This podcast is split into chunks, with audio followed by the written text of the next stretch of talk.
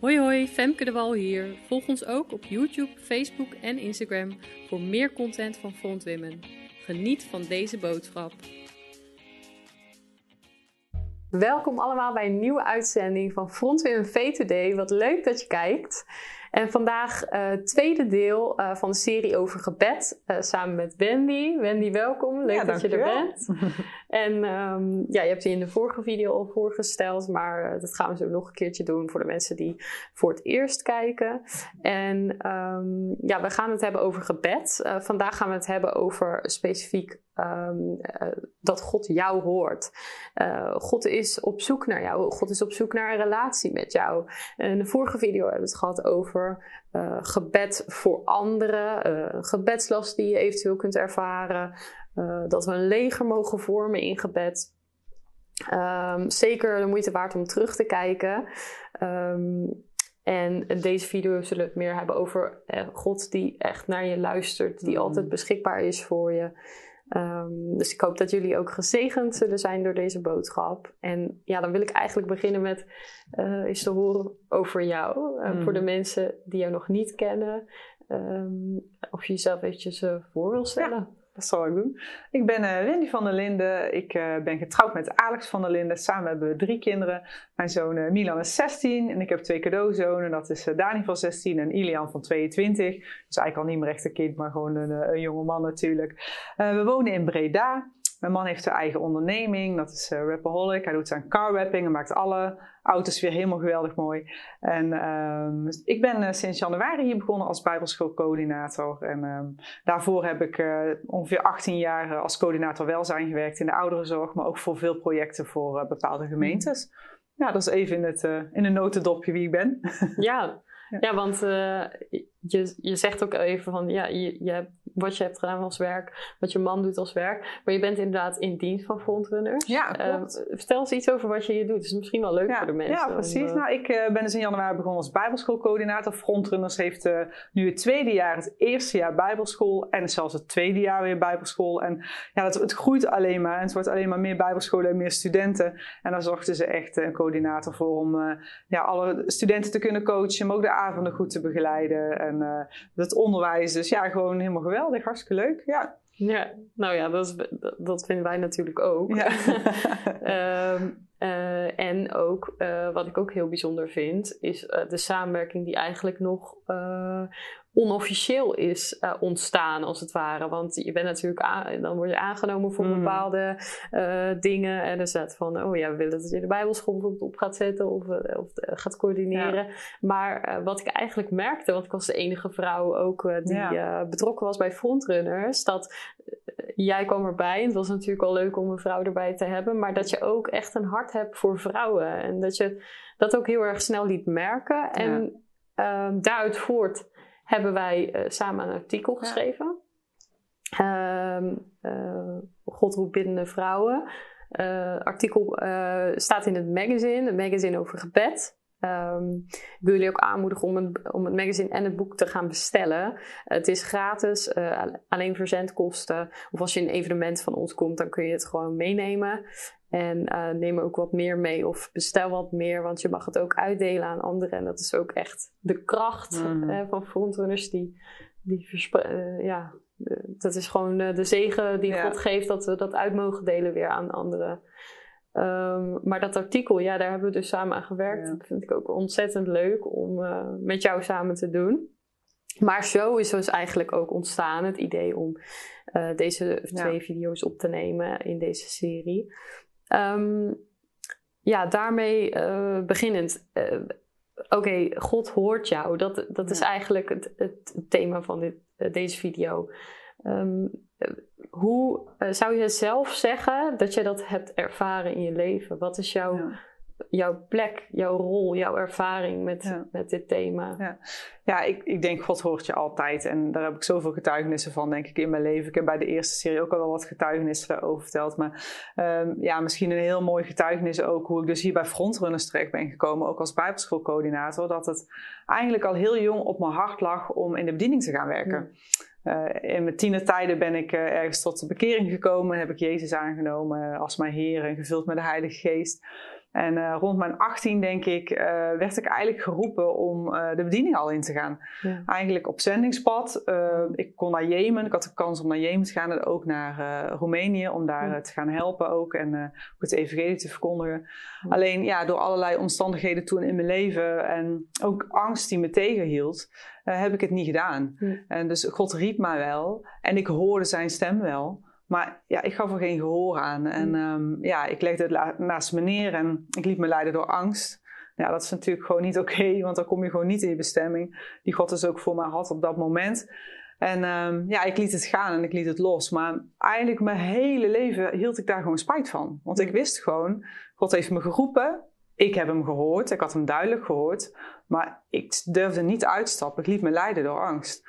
Dus ja, eigenlijk mijn hele leven heb ik daar gewoon uh, spijt van gehad. Tot ongeveer 15 jaar later of 18 jaar later ging echt de hele tijd overheen. Waardoor ik toch eigenlijk altijd een soort last had van een soort schuldgevoel naar God toe. En um, ja, dat we uh, in uh, de kerk zaten. We waren toen aangesloten bij Jubilee nog steeds. En daar kwam uh, iemand, een zendelinge, Bedien uh, Ephraim, voor sommigen misschien ook wel bekend. Um, zij uh, heeft heel de wereld over gereisd, overal zendingswerk gedaan. En zij kwam vertellen over die reizen van haar. En um, ja, ze stond eindelijk op het podium en ze ging vertellen en ze stelde zich voor. En ik moest gewoon meteen hartstikke huilen. Want ik mm. wist gewoon, ja, God, ik had daar moeten staan. U had gewoon mij geroepen. En ik heb u wel gehoord, maar ik heb er geen gehoor aangegeven. En ik had daar gewoon moeten staan. Het spijt mij zo erg dat ik gewoon niet heb geluisterd. En hmm. ja, na afloop uh, uh, vroeg Bedien ook mensen naar voren voor gebed. En uh, ja, ik ging naar hmm. voren toe. En toen sprak God door haar. En God zei, God is zo'n liefdevolle vader. Ondanks dat je eigenlijk niet geluisterd hebt naar hem. Dat wist ik heel goed. Hij is zo liefdevol. En hij zei tegen mij, Wendy, laat het los. Het is goed. Ik heb je al lang vergeven en de, hè, het, het, werk is doorgegaan. Hè, in dit geval door Bedien. Ja. En het werk is niet stil te komen liggen. Uh, ik heb niet stilgezeten. Ik ben niet te stoppen. Oké, jij hebt het misschien niet gedaan, maar wel door Bedien is het werk gewoon doorgegaan. En toen viel er zo'n last van me af. Hm. En kon ik het ook echt loslaten. En wist ik ook gewoon dat ik vergeven was en dat het oké was. En ja, Gods genade daarin was zo groot. En nou, dat is dus nou mooi om te zien hoe uh, gebeden ook van mij, uh, omdat ik zo van God hield en eigenlijk voor hem wilde werken in de bediening. Dat dus daarna, weer zes jaar later, ik dus de kans kreeg om uh, hier te komen werken. Ik heb gewoon gesolliciteerd, was een vacature en ik gesolliciteerd als bijbelschoolcoördinator. En uiteindelijk dus ook aangenomen ben. En dan denk ik, God, je bidt tot God, Hij kent je hartsverlangen. En uh, ook al heb je misschien een keer de boot gemist, uh, dat hartsverlangen was er nog steeds. En God ver verhoort gewoon. Ook na, ja, misschien is het twintig jaar later. Ja. God verhoort je en God hoort je. En ja, ligt dat zaadje wat in je hart is gewoon, ja, komt uiteindelijk nog steeds tot bloei. En ja, dat is gewoon geweldig om te zien hoe God zo genadig is en zo liefdevol. Ja. Ja, prachtig. Wat een, wat een inspirerend verhaal. Ik, um, mm -hmm. ik heb natuurlijk in de voorbereiding ook ja, van je gehoord. Uh, en uh, toen raakte het me al. En ja, je ziet, je ziet echt dat, dat, um, dat hart van God terug. Dat ja. genadige hart van God. Dat uh, God jij zegt dan eigenlijk van ja, je voelde je schuldig en je wist van hé, hey, ik heb iets gedaan of ik heb iets niet gedaan wat God eigenlijk van me vroeg. En uh, dat je eigenlijk gewoon die genade over je heen kreeg van... hé, hey, ik heb je al vergeven. En, uh, en um, ik geloof ook dat dat echt iets is wat in deze boodschap ook naar voren mag komen. Dat, dat God heeft je op het oog en God wil, uh, um, God wil met jou communiceren. En God die hoort jou. En dat is inderdaad de, het thema van deze boodschap. Van God hoort jou. En God uh, die kent jou ook. En uh, God wil ook met je communiceren. Dus elk schuldgevoel, want dat omschreef je ook, mm. schuld. Um, wat je afhoudt van God is ja. niet van God. Nee, absoluut. Want eigenlijk alles wat ons afhoudt van God is niet van God. Ja. Want Hij wil relatie met ons. Ja, precies. Het kwam echt toch een soort in relatie met Hem tussen mij in te saan. Want voortdurend voelde ik een soort schuld omdat ik geen gehoor had gegeven aan zijn ja. roep. En dat heeft gewoon echt jaren gewoon echt, ja, heeft het gewoon, heb ik het wel als een last meegedragen. En dat is gewoon zo jammer, ja. want God was het al lang vergeven, of verge had me al lang vergeven. Terwijl ik mezelf eigenlijk niet vergeven had. Daar zat het ook in. En, en je relatie met God, want we hebben natuurlijk in de vorige video, je zei al van, ik heb al wat dingen eerder genoemd. Mhm. Uh, maar jouw relatie met God, ehm, is hij altijd uh, daar geweest? Is hij altijd sterk geweest? Um, misschien zou je iets kunnen zeggen ook over van, van hoe jij God ervaart als vader daarin. Ja, ik, uh, nou ja, ik heb de vorige video gedeeld dat ik denk ik al heel jong was. Dat ik Gods liefde al ervaarde. Dat was al rond de vier jaar. Um, maar daarin heb ik ook wel gemerkt dat periodes uh, ik wat minder sterk dat voelde. Of misschien heb ik ook al een periode gehad dat ik God zag als toch misschien soms een veroordelende God of een straffende God.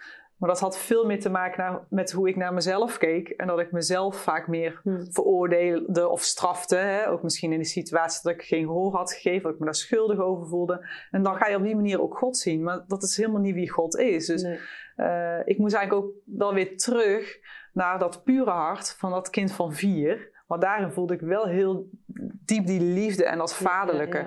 Maar ja, toch met het opgroeien of bepaalde dingen die je meemaakt in je leven, verlies je dat ook een beetje. Hmm. En nou ja, goed, na de zwangerschap van Milan en uh, hij is geboren. Um, nou ja, sommige vrouwen hebben een roze wolk, zoals mijn shirtje. Maar ik had dus echt een zwarte wolk en ik had uh, ja, lichamelijk heel veel uh, dingen, klachten, maar ook gewoon mentaal. En het ging gewoon helemaal niet goed met mij. En, en toch is dat de periode geweest dat ik denk ik God weer uh, heb gezien als zijnde echt die liefhebbende vader die iedere dag voor mij zorgde. Want er waren soms dagen was ik zo moe, kwam ik echt niet vooruit. En uh, ja, zat ik er eigenlijk een beetje helemaal doorheen. En dan... Ja, want voor de mensen die dat verhaal niet kennen, wat, wat, wat, was de aanleiding van dat het zo zwarte wolk? Ja, de aanleiding was sowieso een hele traumatische bevalling. Um, dat sowieso. En um, ja, goed, ik heb een hele licht kraambedpsychose gehad. Dat is wat maar 1% van de vrouwen meemaakt, gelukkig. Want het is echt gewoon verschrikkelijk. En uh, ja, ik wist gewoon dat het, uh, het is, dat is een soort auto-immuunziekte. Dus ja, je lichaam doet iets heel raars en ja, ja. dat ging niet helemaal goed.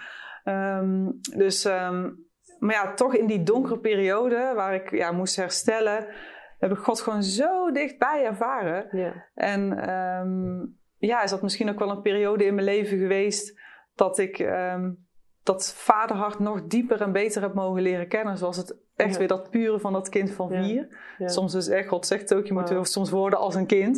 Het geloof als een kind hebben. En uh, ja, misschien is dat in die periode weer heel erg teruggekomen. En um, als ik dan echt dacht van, oh, wat moet ik nu doen? En dan wist ik het even niet. Of was ik in de war of zag ik het even niet meer zitten. Dan riep ik gewoon God aan van, God help mij. Wat moet ik doen?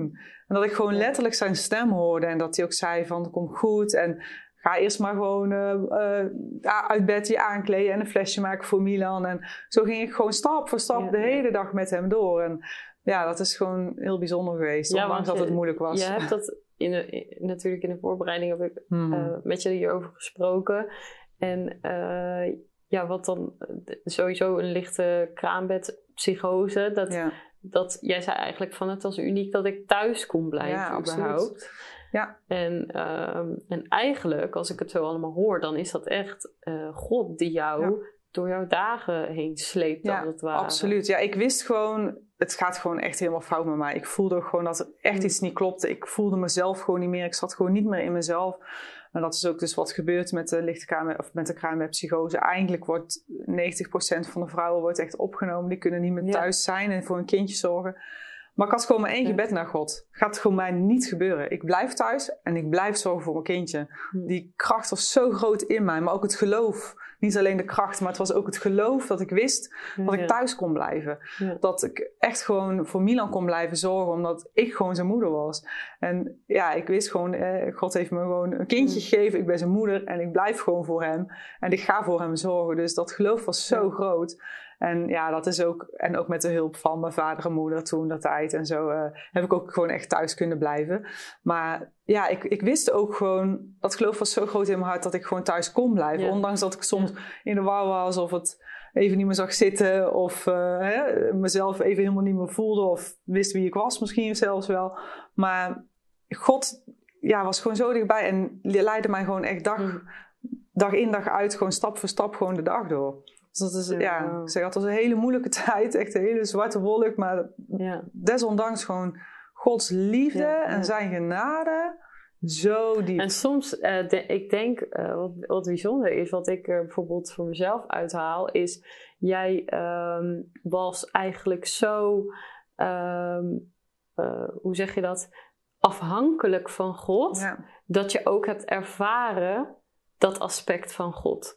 Um, wat we soms in deze maatschappij natuurlijk missen, is dat uh, we te um, onafhankelijk zijn geworden. Ja. Dat we het allemaal eigenlijk uh, vaak zelf heel uh, goed, goed af kunnen of goed afdenken te kunnen. Want eigenlijk met God is natuurlijk alles beter.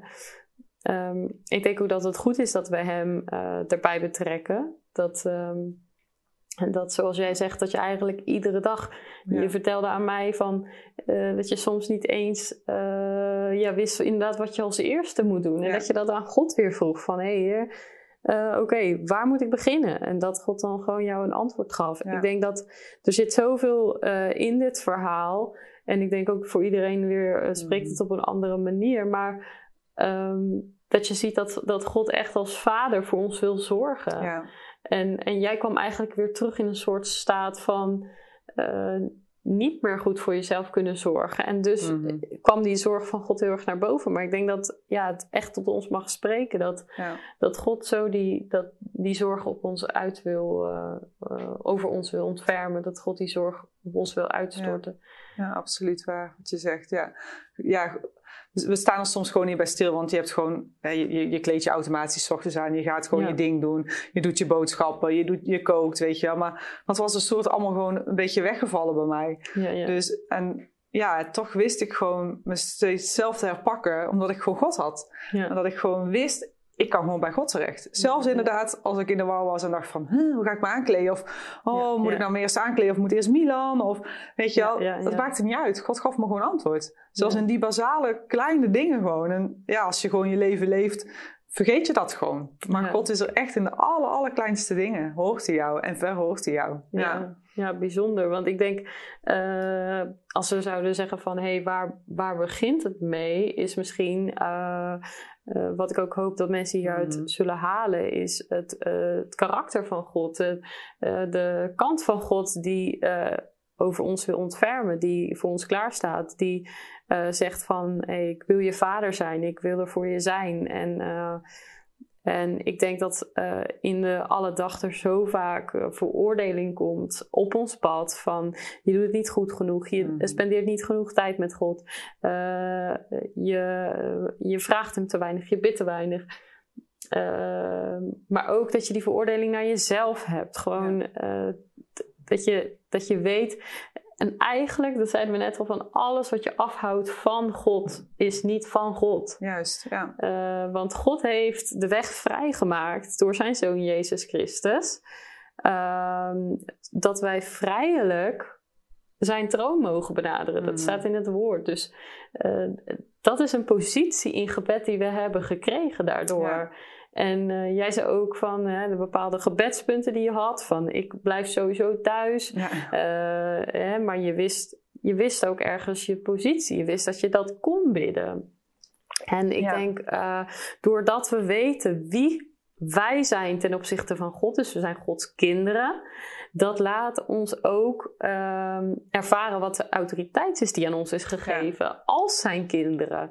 Want Even het plaatje van een vader en een kind. Dan weet je dat een kind altijd naar die, die vader toe uh, mag gaan. Uh, uiteraard uh, is het in het natuurlijke iets anders. Want als een vader dan op het werk is, dan, ja, dan bel je misschien ook niet zomaar op. Maar het zou wel als het goed is, altijd hmm. kunnen. Ja. een vader heeft het hart van, als mijn kind me nodig heeft, dan kan hij me altijd bereiken. En met God is natuurlijk zoveel meer als een natuurlijke vader. Maar even om dat beeld te vormen, dat dat kind weet van hé, hey, ik mag bellen. Maar als je het hebt over de buurjongen en stel je voor dat die belt, dan heeft hij veel, uh, dan, dan, dan heb je het niet over datzelfde recht mm. en datzelfde gevoel wat een kind met zich meedraagt. Dus wij als kinderen van God hebben gewoon zo'n bijzondere positie in gebed dat wij uh, vrijelijk zijn troon mogen ja. naderen. En ook als je dan omschrijft in, in, in, in, uh, getuigenis eigenlijk van hoe je zo afhankelijk werd van God, maar eigenlijk ook hoe je zo vrijelijk tot God mocht naderen. Ehm, dan denk ik dat het goed is dat, dat we beseffen van hé, hey, wie is God en wie wil God voor ons zijn? Ja, precies. Ja, echt die zorgzame vader heb ik denk ik toen zo diep gevoeld inderdaad. Dat, dat echt dat zorgen, wat je net ook zo mooi omschreven, dat een vader zorgt voor zijn kind. En ja, dat heb ik toen zo diep ervaren, dat hij ehm, ja, zo nabij was en zo liefdevol. En elk moment van de dag, wanneer dan ook, die er gewoon meteen was. Maar ook omdat ik mezelf daar ook voor openstelde natuurlijk. En het ook wilde ontvangen. Dat is natuurlijk ook belangrijk. Hè? God, God is daar gewoon. Hè? Wij moeten hem naderen. En Jezus die pleit zelfs nog voor ons bij God. Dat is helemaal prachtig om te weten natuurlijk. Dat, hè? dat Jezus voor ons pleit, ook dat nog. Maar wij moeten wel zijn troon naderen. Hij is daar al. En als je nou zegt van eventjes heel erg back to the basics. Hoe uh, doet iemand dat? Dus iemand zegt van, oké, weet je, ik, uh, ik geloof, oké, God, is, God is een vader, mm. God wil er voor mij zijn. Hoe, uh, weet jij zegt ook van, ja, ik vroeg het gewoon, ik bad gewoon. Mensen die wat drukker zijn, heb je wat tips of wat dingen van, hé, hey, zo doe ik het? Ja, ja het, het, kon, het God spreekt wel het beste als je tot rust komt. Dat is gewoon zo. Daar hadden we natuurlijk in de vorige video ook over. Hè, van ga in de rust. Ga in de rust. Daar spreekt God echt tot je hart. Zoek hem, roep hem aan. En hij zal er gewoon echt voor je zijn. Hij antwoordt. Maar luister ook naar hem. Hè. Soms vergeten we te luisteren en roepen we van alles en willen we van alles. En ja, zijn we alleen maar aan het praten en praten en praten. Maar nee, ga juist ook terug in die rust en word ook stil. Word mm. stil en ontvang zijn antwoord. En dat heeft er ook mee te maken van hoe goed kun je zelf iets ontvangen. En dat, dat was voor mezelf ook echt een leerproces. Ik vond het altijd heel moeilijk om iets te ontvangen. Mm. Ik geef liever dan dat ik zelf iets ontvang. Maar ik heb echt moeten leren om ook dingen te ontvangen. En ook uh, door, dat, door God voor je te laten zorgen. Ik zorg graag voor andere mensen. Ik vind het moeilijker als iemand voor mij moet zorgen. Nou, in die periode moesten mensen ook in één keer voor mij uh, zorgen. Vond ik heel erg moeilijk. Maar ik heb het wel moeten leren. En ook dat God dus ook voor hm. mij mocht zorgen. Maar dan, dat geeft, ja, daar moet je wel open voor staan. En ook ja, die afhankelijkheid naar God toe. Dus het is stil worden, je afhankelijk opstellen en ook leren ontvangen. Ja, mooi. Ja, ja. ja ik... Um ik denk voor uh, God ervaren als vader en inderdaad dat, dat afhankelijk worden. Mm dat dat zo'n grote sleutel is. Ja. Dat je uh, weet van hé, hey, ehm, oké, ik kan een hele hoop zelf, maar ik hoef het niet allemaal zelf te doen. Juist. En ja, God hoort jou betekent gewoon dat ehm, hij hoort je sowieso. Maar hij wil jou ook horen. Daar zit ook een soort vraag in. Hè? Mhm. Dus uh, ik weet van mij van vroeger uh, leerde ik al wel bidden. Um, uh, we gingen dan niet zo heel vaak naar de kerk, maar met gebed was ik wel opgegroeid als ik bang was. Ehm, maar ook inderdaad als ik gewoon voor het slapen gaan. Uh, en dan weet ik nog dat als klein meisje ik zo vaak sorry heb gezegd tegen God. Dat ik zei, ja heer, sorry, ik ben alweer twee weken niet bij u geweest. Oh, ja. ja, en dan, uh, dan wist ik gewoon, en dan voelde ik wel weer die genade en die liefde van God. Maar ja, in, die, in die periode dat ik dan uh, twee weken bijvoorbeeld niet bad, uh, dan voelde ik me ook heel erg schuldig. Maar uh, los daarvan dat ik wist van het is goed om te bidden en dat elke keer God me weer ontving, ontstond er ook een verlangen in mij om meer te willen dan dat. Want het gaat er niet om dat God boos op je is als je twee weken niet bidt. Maar als het goed is, bestaat het daar niet uit. Uh, en, en, wat ik daarmee bedoel te zeggen is, als we het hebben over relatie met God, dan moet je eens voorstellen dat je, uh, hè, daar hebben we het in de voorbereiding over gehad, dat je bijvoorbeeld een, uh, met je partner hem uh, twee weken niet ziet en dan zegt je, ja sorry, je bent twee weken heel druk geweest, maar je doet dat eigenlijk iedere twee weken en dan zeg je van, hé hey, heer, of dan zeg je tegen je man van, van of je man zegt dan uiteindelijk van, nou weet je wel, ik weet niet of ik dit nou is er niet meer? Zit er niet meer in de relatie? Ja. En uh, als je dan, uh, ja, dat is, dat is echt een openbaring voor mij geweest. Dat ik dacht van, ik, um, ik wil meer met God. Want God is beschikbaar elke minuut van de dag. En dat hebben we ook in de getuigenis van Wendy gehoord. Dat God is daar om alles tegen je te zeggen wat je, waar, waar je met hem over wil praten. Wat je aan hem wil vragen. Waar je, uh, waar je onduidelijkheden over hebt. Maar hij wil zoveel meer. En uh, de tekst die bij me opkomt is: Gods uh, ogen gaan uit over heel de aarde. Zoekende wiens hart volledig naar hem uitgaat. En ik denk, er is een. Uh, het is een hoger niveau van uh, intimiteit met hem. En inderdaad niet van ik vind het fijn om Tom even te spreken via de telefoon. Maar ik vind het veel fijner als hij thuis komt in de rust en we kunnen spreken met elkaar. En dat is denk ik, dat is iets wat God heel erg verlangt bij ons. Dat, we, dat, we, uh, dat het niet alleen maar is van: oké, ja, ik moet meer tijd met God hebben. Ja, ik weet dat eigenlijk als christen moet ik meer bidden. Uh, nee, God hoort jou, Hij wil jou horen, maar eigenlijk is de vraag ook van, wil jij hem spreken? En, en, en als je hem wil spreken en als je hem meer zou willen spreken, en dat is een verlangen, dan ja, willen we je ook aanmoedigen van neem die tijd. Inderdaad, zoals Wendy zei, van het, het gebeurt in de rust. Het, uh, het is een plek van uh, intimiteit. En sowieso intimiteit is iets dat, dat uh, dat kun je wel uh, bij wijze spreken in de supermarkt. Je kunt met, met God uh, spreken in de supermarkt. maar het mooiste is voor echt een relatie op te bouwen, om dat te doen uh, ja, in je binnenkamer, zeg maar. In, je, in je eigen.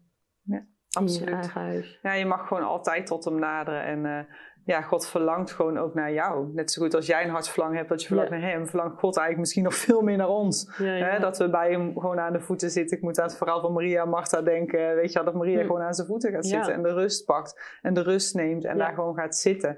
En gewoon zijn wie je bent. Je mag gewoon zijn wie je bent bij God. En dat vind ik zo mooi. En dat heb ik denk ik ja, in de jaren heen gewoon mogen leren. Dat je gewoon mag zijn wie je bent. Ja. Mooi dat je het aanhaalt. Ja, Maria, dat, uh, dat zegt Jezus ook, hè, van je hebt het beste deel gekozen. Ik denk dat het wel een uitdaging is voor, uh, voor heel veel vrouwen ook. Mm -hmm. uh, ervaar je dat zelf ook wel zo? En zo ja, hoe, wat is jouw oplossing? Ik weet, je hebt in de vorige video wat dingen gezegd, maar uh, over hoe je dat dan toepast ja, in je... Ja, zeker. Tuurlijk. Ik denk dat iedere vrouw dat wel ervaart. Door de drukte van de dag en het werk dat je doet. En de kinderen die om je heen lopen. En de man, ja. je man die uh, ook uh, iets van je wil. Iedereen wil iets van je. Hè, dat je echt bewust mee bezig moet zijn. En we hebben het natuurlijk over spoedgebedjes gehad. Van ja, je leven moet echt niet alleen maar uit spoedgebedjes bestaan. Een soort EHBO van God, weet je wel. Dat is helemaal niet wat God verlangt. Zo ga je ook inderdaad niet met je man over. Daar gaf je nee. net al een heel mooi voorbeeld van. Hè, God zoekt echt die relatie met jou. Dus ja, daarin um, is het wel echt belangrijk dat je wel die rustmomenten neemt. En of dat nou in de auto is of even als je aan het wandelen bent met de hond, maar neem ze gewoon. Ja. En ja, dan kom je in de rust, maar dan hoor je ook veel beter Gods stem. Ja. Dat is het ook. Ja. Ja, ja dat, dat is denk ik een heel, uh, heel bemoedigend iets voor heel veel vrouwen. Mm. Die denken van, oh ja, uh, ja. En ook, uh, ik zeg wel eens tegen mezelf: iets is beter dan niets. Precies. Dat, ja. Want ik heb heel vaak gewacht op de ideale omstandigheden. Ik heb heel vaak gedacht: ja, maar ik wil iedere ochtend wil ik een half uur, ja. weet je wel, of een uur. En dan wil ik een half uur bidden, een half uur bijblezen. Of dan had ik een heel idee bedacht. En dan kon dat half uur bijvoorbeeld dan niet doorgaan in één blok, want er kwam dan dingen tussendoor. En dan dacht ik: ja, laat maar zitten. Morgen probeer ik het weer.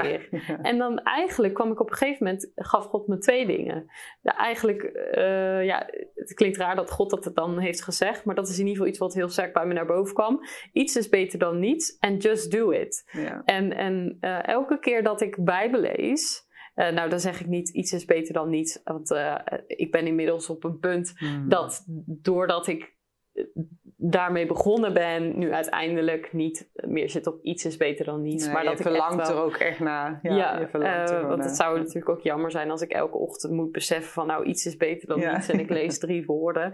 Maar in principe heb ik gemerkt dat het eigenlijk daardoor, ja, laten we het zo zeggen, als jij je laat weerhouden doordat de ideale omstandigheden er niet zijn, dan ga je veel meer veel meer tijd mislopen met God. Dan dat je zegt, iets is beter dan niets. Ik ga er gewoon voor. En inderdaad, iets wat ik ontving was ook just do it. Ja. dat, um, oké, okay, ik wil het, dus ik doe het gewoon. En ik begin gewoon. Juist. En, uh, Dat is het echt. Je moet gewoon beginnen. En inderdaad, al is het achter je, je kookpannetjes, weet je, onder het koken. Neem dan gewoon de tijd. Gewoon ergens waar je even een moment van rust pakt. En je merkt zelf ook, vond ik ook wel mooi wat je zei. Je krijgt er een hartsverlangen naar. Hm. Het is inderdaad niet meer van, uh, um, het moet allemaal maar tussendoor. of, Maar je krijgt echt een hartsverlangen om er steeds meer tijd in te stoppen gewoon. Want je verlangt gewoon naar die nabijheid van God en die rust en vrede.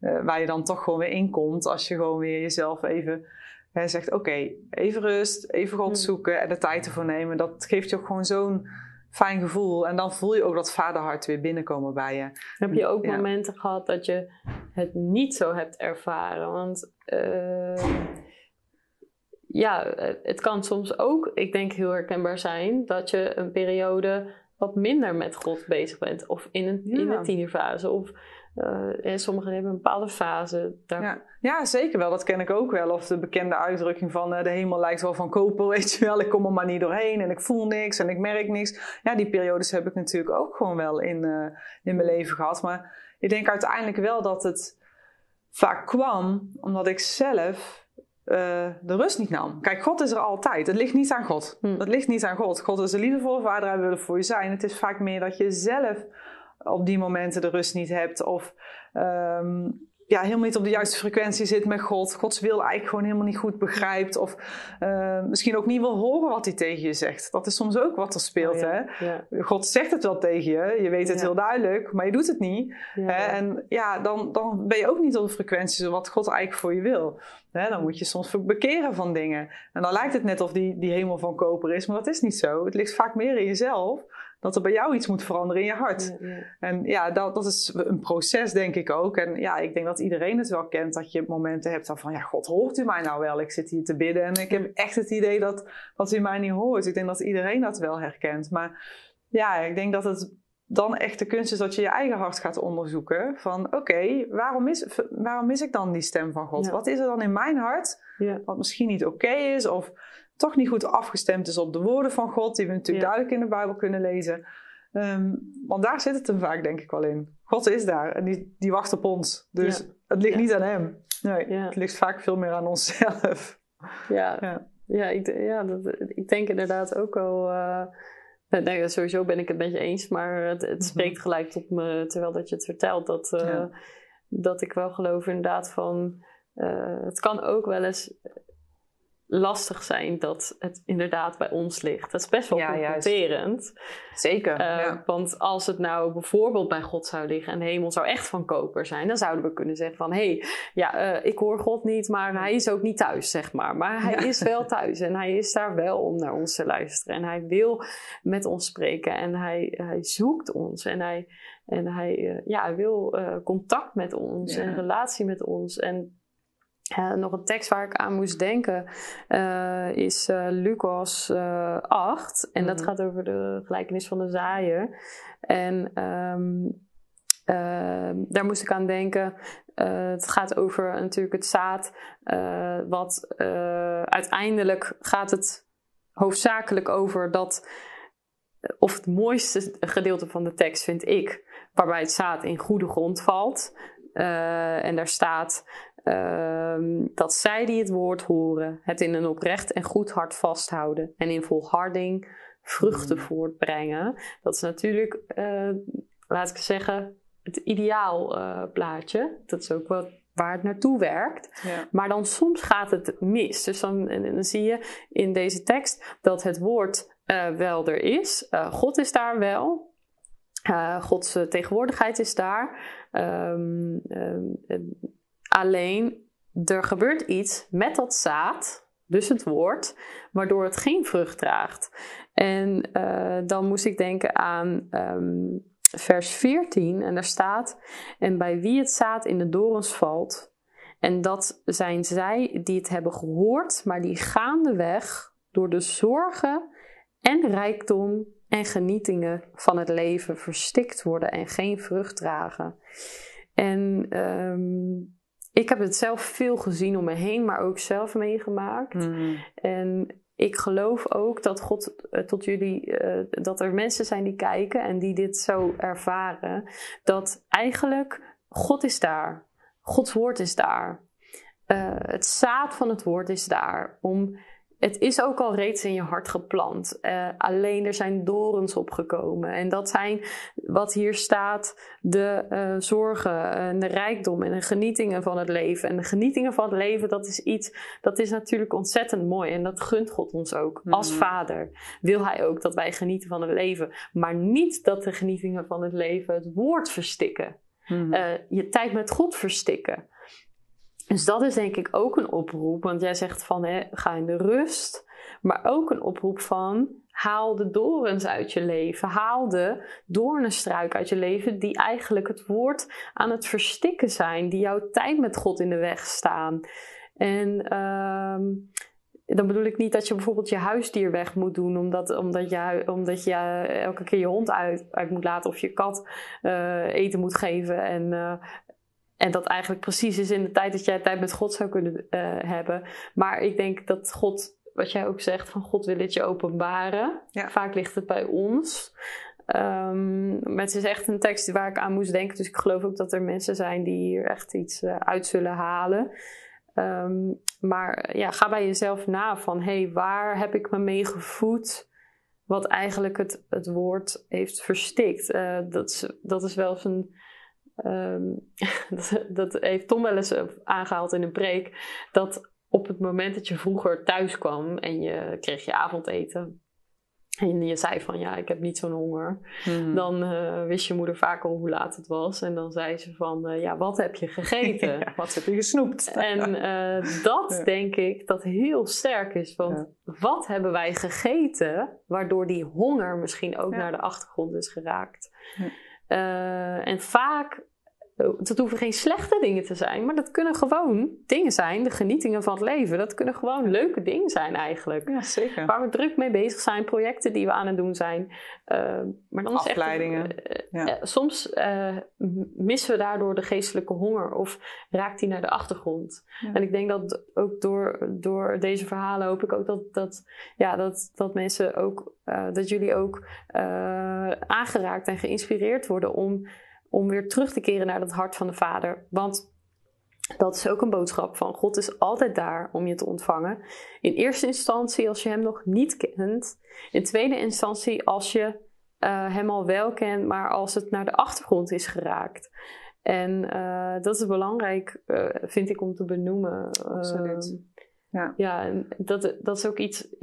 Jij, je hebt een, een, verhaal met mij gedeeld over een vrouw die je kent. En uh, wat ik ook heel mooi vind, is dat, dat naar voren komt hoe ja, Gods oog op een ieder is. Misschien wil je dat verhaal ja, met ons delen. Precies, dat verhaal gaat over Esther. Niet Esther uit de Bijbel, maar ze toevallig ook Esther. Ze komt uit Oeganda en inderdaad, het is mooi om te zien hoe God mij aan haar heeft gekoppeld eigenlijk. En um, hoe wij met elkaar in aanraking zijn mm. gekomen. En hoe God haar gebeden eigenlijk verhoorde door mij, door mij heen, weet je wel. God zoekt inderdaad arbeiders hè, om ook gebeden van mensen te gaan verhoren. En um, ja, Esther was echt in een hele um, ja, moeilijke situatie terechtgekomen. Zij woonde in Oeganda. Het is al een hele tijd geleden, al 15 jaar geleden, toen ik haar leerde kennen. En ze woonde op dat moment in Oeganda. Ze was arts daar. Ze woonde in het noorden van Oeganda. Op, het moment toen ze daar woonde was er echt heel veel oorlog. En zij is uh, moeten vluchten. Ze had vier dochters van 6, 8 en 16 en 18. Die ze heeft moeten achterlaten omdat ze gewoon echt plotsklap weg moest. En ze is uh, toen in Nederland terechtgekomen. Op dat moment deed ik vluchtelingenwerk in een vluchtelingenkamp in Geels waar ik nabij woonde. En wij hadden daar de mensen op om naar de kerk te brengen. En op die manier dienden wij ook ehm, ja, die mensen om hun ook naar het woord van God te kunnen brengen eigenlijk.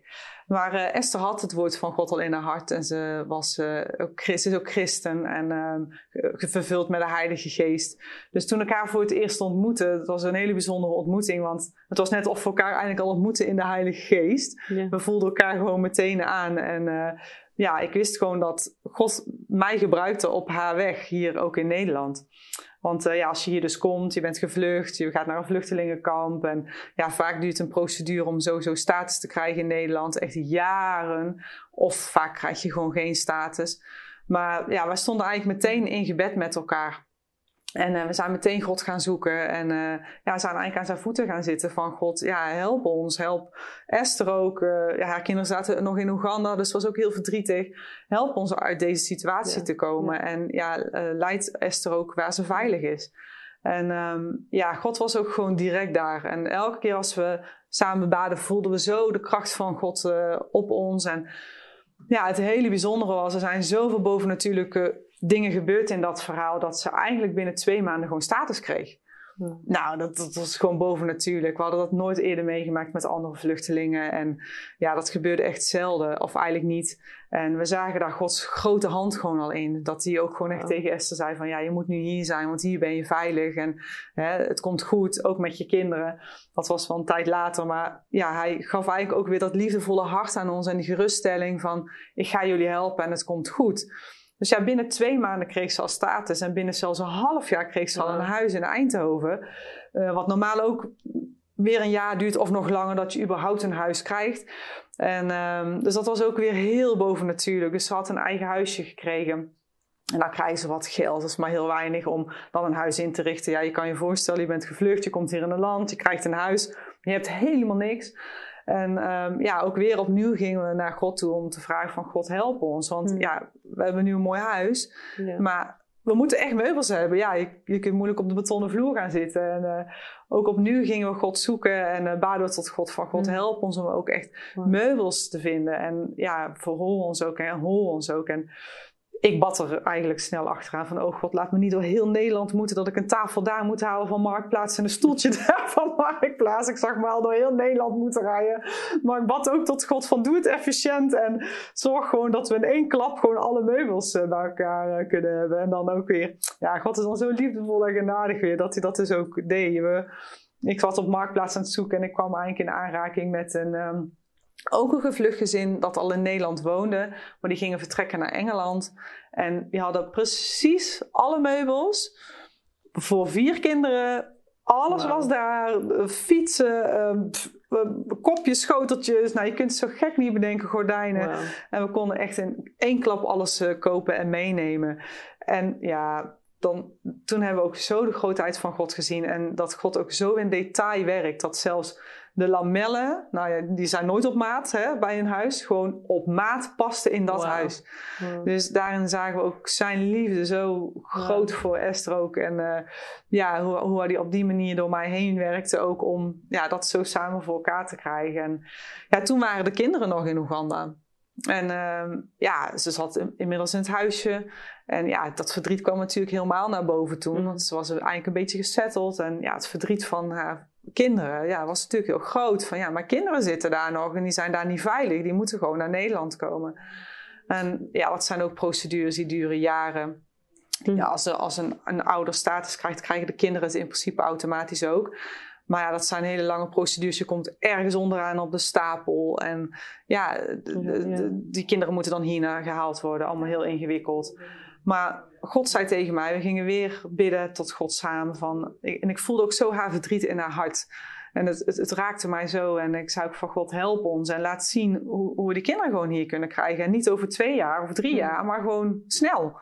Ja. En God sprak tot mij en die zei van, jij gaat ze uit Oeganda halen. En in een week zijn ze hier. En toen dacht ik, hè, heb ik nu Gods stem wel goed verstaan? Gaat hij dat doen? Hoe dan? Ik wist echt niet waar ik moest beginnen. Maar ik had wel een heel groot geloof. En Esther ook. We hadden samen een heel groot geloof. Dus ik vertelde ook tegen Esther wat God mm. tegen me had gezegd. Ik zeg, ja, God zegt tegen mij dat ik jouw kinderen hier naartoe ga halen. En dat binnen een week. Ik zeg, ik weet niet waar ik moet beginnen, maar God zal een deur openen. En dat deed God ook. Hij bracht me in contact Eigenlijk die volgende dag al met uh, iemand van het vluchtelingenwerk. En ja, ik begon eigenlijk gewoon dingen te vragen van hoe, hoe gaat normaal zo'n procedure? En ze legde ook uit van ja, eigenlijk is het gewoon een, een, uh, ze moeten een, een, visum krijgen in Oeganda. Het vliegticket moet geboekt worden en ze kunnen komen. Toen dacht ik nou, als het zo simpel is, god, dan moet het inderdaad wel lukken. Dus ik heb contact gelegd met uh, de ambassade in Oeganda de oudste dochter uh, moest daar naartoe om al die paspoorten af te stempelen van die kinderen. Nou, dat was nog een heel gedoe, maar goed, uiteindelijk uh, is het uh, gelukt. Zoals op de laatste dag was er strijd, want soms zie je dan ook als er echt iets van God is, dat er ook strijd komt. Want ja, de andere kant, de duistere kant wil eigenlijk helemaal niet dat het gaat gebeuren natuurlijk. Maar de laatste dag was er eigenlijk nog strijd dat het bijna leek te lijken dat de kinderen dus niet konden komen. Maar uh, ja, God gaf mij ook echt weer een inzicht van nee, je moet dit doen. Je moet uh, naar, die, naar die pagina gaan en je moet dit en dit zeggen tegen de Nederlandse ambassade, waardoor het uiteindelijk dus door kon gaan. En ze dus inderdaad binnen een week gewoon in uh, Nederland waren.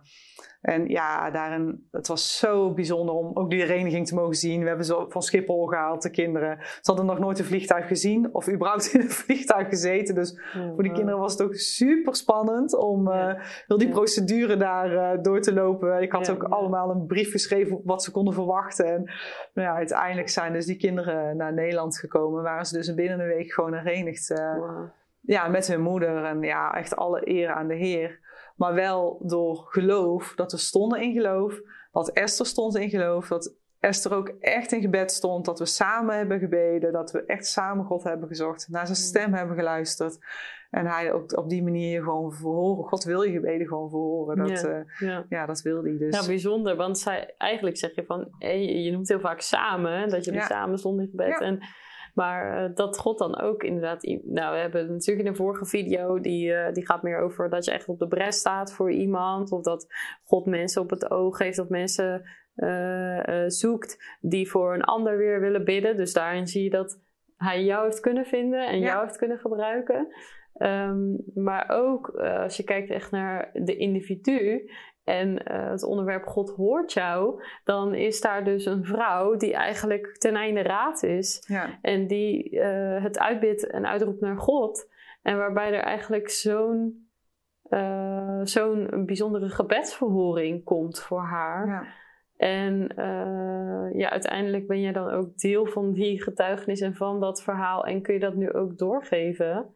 Ja. maar wat bijzonder als je ziet van wauw dat, uh, dat God zo ja, ver gaat of God zo ja, zijn, zijn hart om, om, om mensen te helpen, en, ja. en, te horen ook. Ja, absoluut. Ja, dat, dat heb ik inderdaad zo van dichtbij gezien. Dat... En zelfs inderdaad in de details. Ja, zelfs in de details. En dat vond ik zo bijzonder dat God dan inderdaad geen detail overslaat. Ik bedoel, hoe verzin je dat de gordijnen passen nooit in een ander huis? Dat zelfs de gordijnen, de bestekbak in een ja. laadje, de, de fiches die in de schuur pasten, echt mm. de, de, het afgetelde kopjes, alles was daar. Echt alles, gewoon tot op detail. En dan denk ik, ja, soms denken we misschien van groot God ons wel en bemoeit hij zich wel met onze bestekbak, om het zo maar even te zeggen. Maar ja, juist dat ook. God vindt dat ook belangrijk. Dat hè, zij gewoon een fijn huisje had met de juiste spulletjes voor haar kindjes ook, die konden komen. En ook dat vindt God belangrijk. En misschien denken wij dan wel, ja, God houdt zich toch helemaal daar niet mee bezig. Er zijn toch veel ergere dingen in de wereld.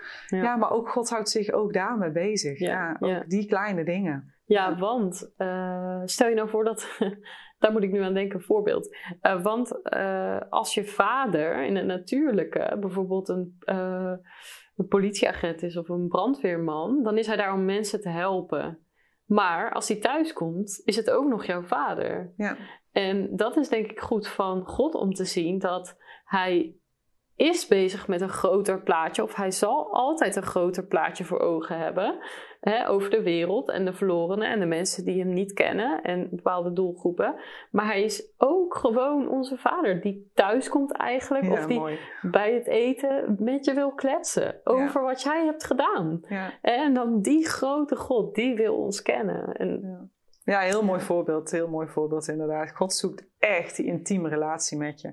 En inderdaad, die wil echt luisteren naar uh, dat je je zorgen maakt over misschien inderdaad passen gordijnen wel of wat dan ook. Zelfs daar wil hij naar luisteren. Ja, heel mooi. Ja, wauw. Ja, ik denk, uh, ik denk dat mensen wel, als het goed is, heel erg uit jouw uh, verhalen ook hebben gehoord van... Hey, God wil mij horen, God is er voor mij.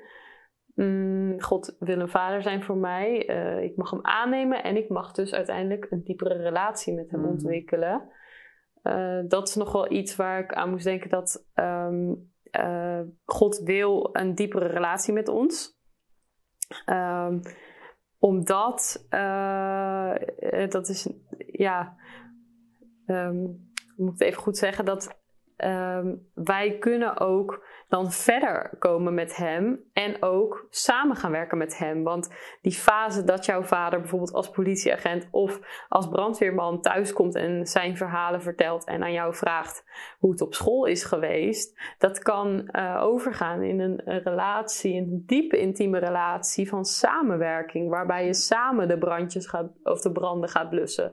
Waarbij je zegt van hé hey pap, ik ben zo geïnspireerd door jou en ik, ik weet wat je doet. Ik weet het hart wat je met je meedraagt. En ik, kom, ik wil me aansluiten en ik wil, ik wil deel worden van dit werk. Ik wil deel worden hiervan. En uh, die diepere, intieme relatie, ik geloof dat dat echt een roep is die mag klinken, uh, ook door deze boodschap heen. Van um, voor de mensen die God al wel jaren kennen, uh, om te kijken van hé, hey, wat wat zit er nog meer in deze relatie? Wat, waar wil ik aan gaan werken in deze relatie met God? Um, uh, ja, om ook inderdaad voor andere dingen te kunnen ontvangen. Want jij zei ook in, op dat moment dat je bijvoorbeeld dacht van, huh, hoe, uh, hoe dan? Ja, ja. Uh, maar op een gegeven moment, als jij dit nu nog een keer mee zou maken, dan zeg je ja, natuurlijk. Ja. Want je, er is geloof ook in je hart gegroeid. Ja, precies. Ja. Dus dat, dat um, daar moest ik ook wel heel sterk aan denken. Nou wilde ik eigenlijk vragen aan jou of je uh, voor de mensen wil uh, bidden. Uh, ja. ja. Dat gaan we doen. Ja, zeker wil je dat. Ja. ja, vader, dank u wel. Je bent zo groot en u bent in de kleinste details, Heer. U houdt zoveel van ons en u ziet ons harten aan en u zoekt ook echt die mensen die uh, zich uitstrekken naar u. Want u wil niet ver afblijven, u wil juist zo dichtbij zijn. En u wil ieder gebed wat we hebben verhoren, Heer. En ja, u wil gewoon dat we gezegend zijn, dat we overvloedig zijn. En um, ja, u zoekt echt die mensen die, um, die u aanroepen. En die gewoon in alle rust hmm. bij je voeten komen zitten. Ik zie mezelf ook vaak gewoon echt heerlijk bij u op schoot zitten. Uh, om te kletsen met u. En um, ja, ik bid het ook echt zo toe aan de kijkers thuis. Dat uh, ja, al, al lijkt God soms ver weg. Of al voel je hmm. dat zo. Dan zoek je eigen hart als eerste. En ja, ga, strek je weer opnieuw uit naar Hem. Hij is er altijd voor je geweest. Hij zal altijd daar voor je zijn. Strek je opnieuw uit en um, ja, verwacht het gewoon van Hem. En ja, ga gewoon weer lekker terug in zijn armen en uh, roep Hem aan. Hmm. En ja, ja, ga gewoon zo bij Hem op schoot zitten. Ja, dat bid ik u echt zo over jullie uit. En um, dat in Jezus' naam. Amen.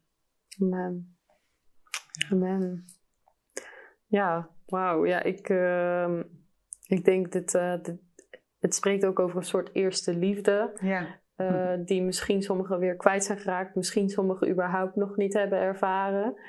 Ehm, de eerste liefde, eh, dat, dat, om daar weer naar terug te gaan. Ik denk mm. zelfs ook gewoon in heel veel natuurlijke relaties, dat het soms goed is om terug te gaan naar de eerste liefde. Van hey, het moment dat je eigenlijk altijd jezelf optofte voor de ander. Dat je altijd uh, het beste wilde geven van jezelf. Dat je ook altijd al je tijd wilde geven.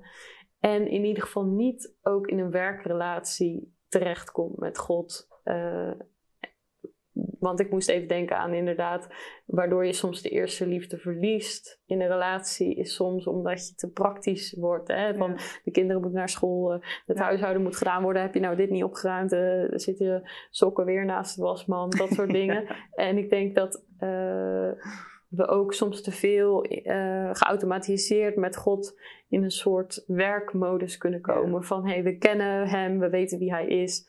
Maar hij is zoveel meer dan dat. Absoluut. En um, ja, bedankt dat je ook voor alles wat je hebt gedeeld, voor het gebed wat je net hebt gebeden. Um, ja, ik vind het ontzettend uh, mooi om, om, om je getuigenis te horen. Ze inspireren mij ook enorm. Ik hoop dat het jullie ook heeft geïnspireerd. En um, ja, ik wil jullie aanmoedigen. Dus bestel het magazine, bestel het boek. En uh, deel ook uit aan anderen. De boodschap van gebed is, uh, is vaak zoveel groter dan we daar in het dagelijks leven mee bezig zijn. En ik hoop ook dat jullie dat door deze boodschap heen hebben gehoord. En ja, God die heeft jou op het oog. Die heeft jou op het oog om voor anderen te bidden. Maar God heeft ook jou op het oog om met Hem te communiceren en relatie met Hem te bouwen de diepte in te gaan met hem. Mhm. Dus daar wil ik je ook toe aanmoedigen. Um, ja, als je vragen hebt of je hebt getuigenissen, stuur het naar ons via onze Instagram of onze Facebook of de infomail van Frontrunners. En dan hoop ik je snel weer te zien. Ik hoop dat je weer genoten hebt van deze uitzending.